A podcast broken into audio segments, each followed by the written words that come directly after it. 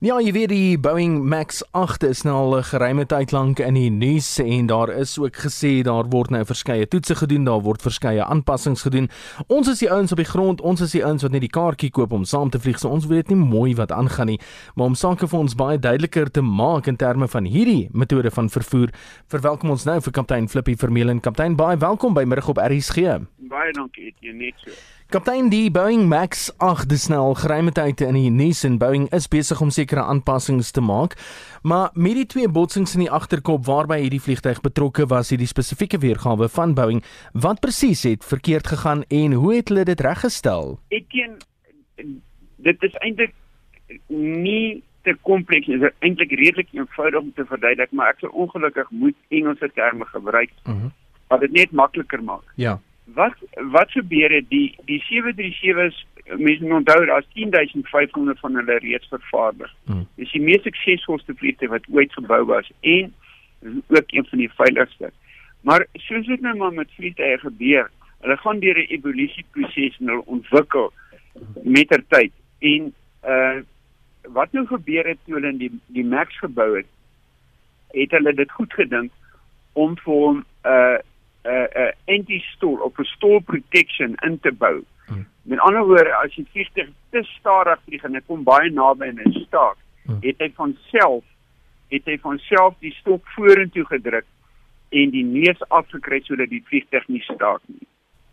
Nou wat nou ongelukkig gebeur het, die die die inset hmm. van kom ons nou met hierdie hierdie uh, stall protection wat hulle ingebou het kom van 'n 'n 'n metertjie wat langs die uh, romp sit net onder die venster van die stuurkry uit wat die hoek die invalshoek van die vliegtuig meet. Hulle noem dit 'n uh, angle of attack indicator. Hmm. Nou wat gebeur is die sein wat van daar af gaan na die na die na die stall protection toe het foutief geraak op die op die Lion Air vliegtuig en op die Ethiopian Airlines. Hmm. En toe wat gebeur is toe toe toe dink die vliegtuig die hele tyd dat hy in 'n kondisie waar hy wil staak.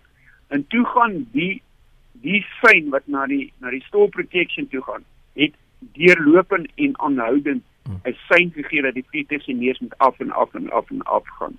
So daar was definitief 'n probleem met die stelsel van Boeing se kant af. Maar nou moet ek duidelik sê dat daar is 'n geskrewe prosedure in die handleiding van die 737 wat baie jare al bestaan wat aan die vlieëniers die die kundigheid verleen hoe om indien so 'n kondisie ontstaan dit wel te beveg en dit te bowe te kom. Mm -hmm. En wat ongelukkig gebeur het die die opleiding met, met die kom ek net vir jou sê met die Max is daai kondisie 'n bietjie meer aggressief. Bietjie meer aggressief as wat dit op die ouer vliegtuie was. So die vlieëniers moes meer bedag gewees het om indien daai kondisie ontwikkel dit te kon beveg. Uh mhm. -huh. Nou wat nou gebeur het ongelukkig in die in, in die bedryf die die opleiding wat die ouens gekry het en en ek sê dit met baie respek teenoor hulle is dood maar die ouens wat in Lion Air en in Ethiopian se geval uh, blootgestel was aan hierdie kondisie het dit nie aggressief genoeg beveg nie maar daar is 'n manier om dit te bowe te kom. Hmm. Dit die die storie dat dat die ouens die prosedure 100% reg gevolg het in die Ethiopiese geval. Dit is beslis nie reg nie. Hulle het dit gevolg tot op 'n punt. Hmm. Maar daar daar was nog iets wat hulle kon doen wat hulle nie raak gesien het nie en hulle nie reg gedoen het nie. Hmm. Dis nie lank die kort van die storie. So ja, daar is 'n fout in die stelsel gewees van Boeing se kant af wat die probleem veroorsaak het, maar die vlieëniers moes daai kondisie kon hanteer. Ek net gou vir jou noem. Ek het vanoggend gelees Boeing het in die laaste maande wat het hulle 96 toetsvlugte gedoen op 'n Max waarin hulle sagte ware ontwerp het wat die twee engele vertrek indicate sensors wat aan weerskante van die stuurkie uitsit.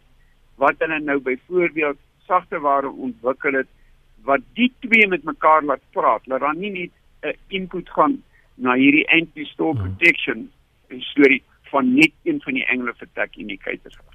En kaptein vlieg is nog steeds veiliger as om met jou eie motor te ry, is dit nie? Ja, seker. Seker en ek kan ek sê die die gevaarlikste gedeelte van my vlug oor die jare was beslis die rit met my kar na die lughawe toe en terug huis toe.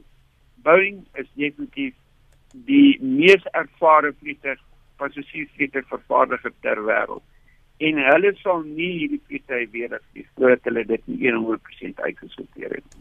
Sekerlik een van die mees ervare manne wat jy in die kajuit van 'n vliegtuig sou kon hê, is kaptein Flippy Vermeulen wat uitgemaak het gou-gou met ons te gesels hier op middag op RSG.